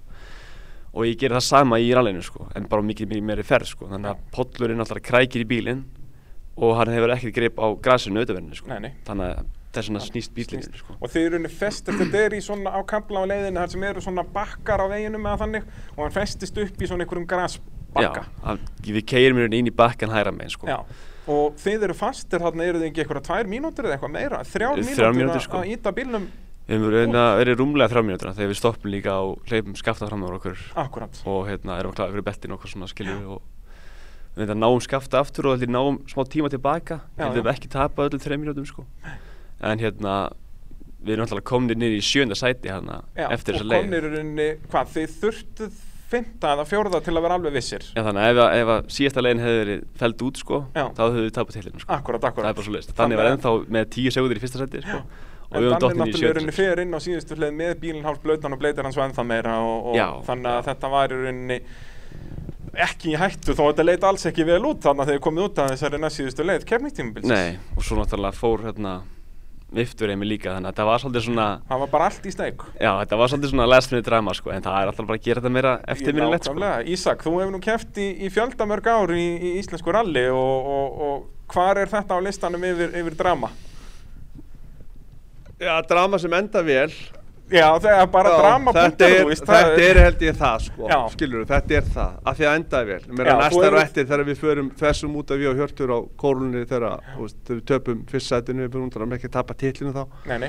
þú veist, svo náttúrulega hefur nú svo sem eitt og annað komið, en þetta er langstærsta drama, skilur, af því að þú fer bara í einhvern svona survive mode, þú bara reynir einhvern veginn að klóra þið út úr öllu og það er einhvern veginn allt sko á móti þér Já, þú varst líka alveg smekk, smekklegur hérna. Já, ég, það alltaf, eins og ég sagði við ég, þarna, það fannst ekki grjóta djúbánir sem sittum til dekki, sko. Já, sem er náttúrulega ótrúlegt. Já, sem er ótrúlega, en sko, ég var eiginlega meira pyrrar að hann skildi verið að koma út í bílum, sko, hann hafði ekki Já, að fara út í bílum, sko, bíl hann á að vera inn í bíl, að það er á aukumöndir að vera, sko, ég valdi þessi aukum að gera neitt gagn fyrir utan bíl, sko, þannig, að ég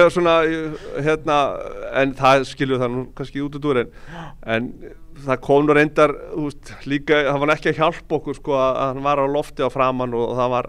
ABS-skinnari farin, viðst það mér á framann, hann að hjóli var ekki að skinja að hann var á lofti, sko, þetta var allt svona, og sem sé, þetta var bara, sko, Eins mikið basl Já, og við vorum bara að fara upp langa brekku, bara, sko, allt rallið, en, en það endaði rosalega vel og við náttúrulega, sko, það því að var að tala um það leiðin svo konum að greið, sko, sagt, við förum inn á síðustu leiðina og, og hérna, og það var ekkit annað stöðin en að fara fulla ferð, Já, já, Það líka er þið, vitið ekki alveg nákvæmlega Nei, stöðuna þú, ég og gæti ekki, þú veist, þetta var ekki, þetta, þú gæti ekki hugsaðin svona þetta fyrir látum, sko. Akkurat. Og ég ætla bara að segja þetta núna eins og það var sagt inn í bílum, ég sagði við Gunnar, það er ekkit annað en stöðin en að gera bara fokkit. Jep. Það er Það er bara, bara or ferð. lose, það er ekkit. Það er bara hvað ætlar að gera hana. Og ef það gengur ekki upp, þá bara komum við aftur á næsta ári, græðum þetta þá. Akkurat. Því er ekkit að, að, að bara hæja á. Að- Og það skilaði sér. Það skilaði sér. Íslandsmeistarar, bæði í flokki B og yfir heildina. Gunnar Kall, hvað er eh, framtíðin? Núna er komin 2021, hvað er planið á þess ári? Já, eins og við erum búin að tala við hérna, styrtaræðil okkar um í ár, þá erum við bara að reyna að fókusa á Ísland. Já. Ég hérna, Að verja titil, það hefur nú ekki gest síðan hvað, 2015 held ég á Íslandi? Ég held að já. Það var bara Baldur Haraldsson sem náði því síðast. Já, það væri gaman að- taka hana sísón sko, en, en hérna, við höfum alltaf hérna, taka næsta skref sko Já. og hérna komast út eða að gera eitthvað skemmtilegt sko og hérna Er ykkur plön núna með 2021 að reyna að fara út eða má það nokkuð? Er þetta ekki ennþá allt farið fjandast til? Jú, þetta er allt stopp sko Allavega svona í Það vor er- er það erfitt, það geti kannski eitthvað verið hægt í haust eða eitthvað, þú veist, núna er London bara í lockdowni þannig að það er... Jú, jú, það, það er bara spurningamerki yfir öllu sko þannig að það er ómögulegt að gera eitthvað plön fram í tíman og lofa einhverju sko Akkurat. hægt að gerist sko. fókus á Ísland bara á meðan. Já, Ísland gekk vel fyrir sig í fyrra skilur tók öll röllin og, og gekk vel fyrir sig skilur og hérna við sjáum enga ástæði fyrir að, að, ganga verð næsta ári sko. Þannig að hérna ég held að það verði bara betra á næsta ári og fleiri keppir til vonandi Eina vitið, ég er bara að segja aftur til að mikið með tillana og, og við sjáumst í sumar. Algjörlega, takk fyrir. Takk fyrir það.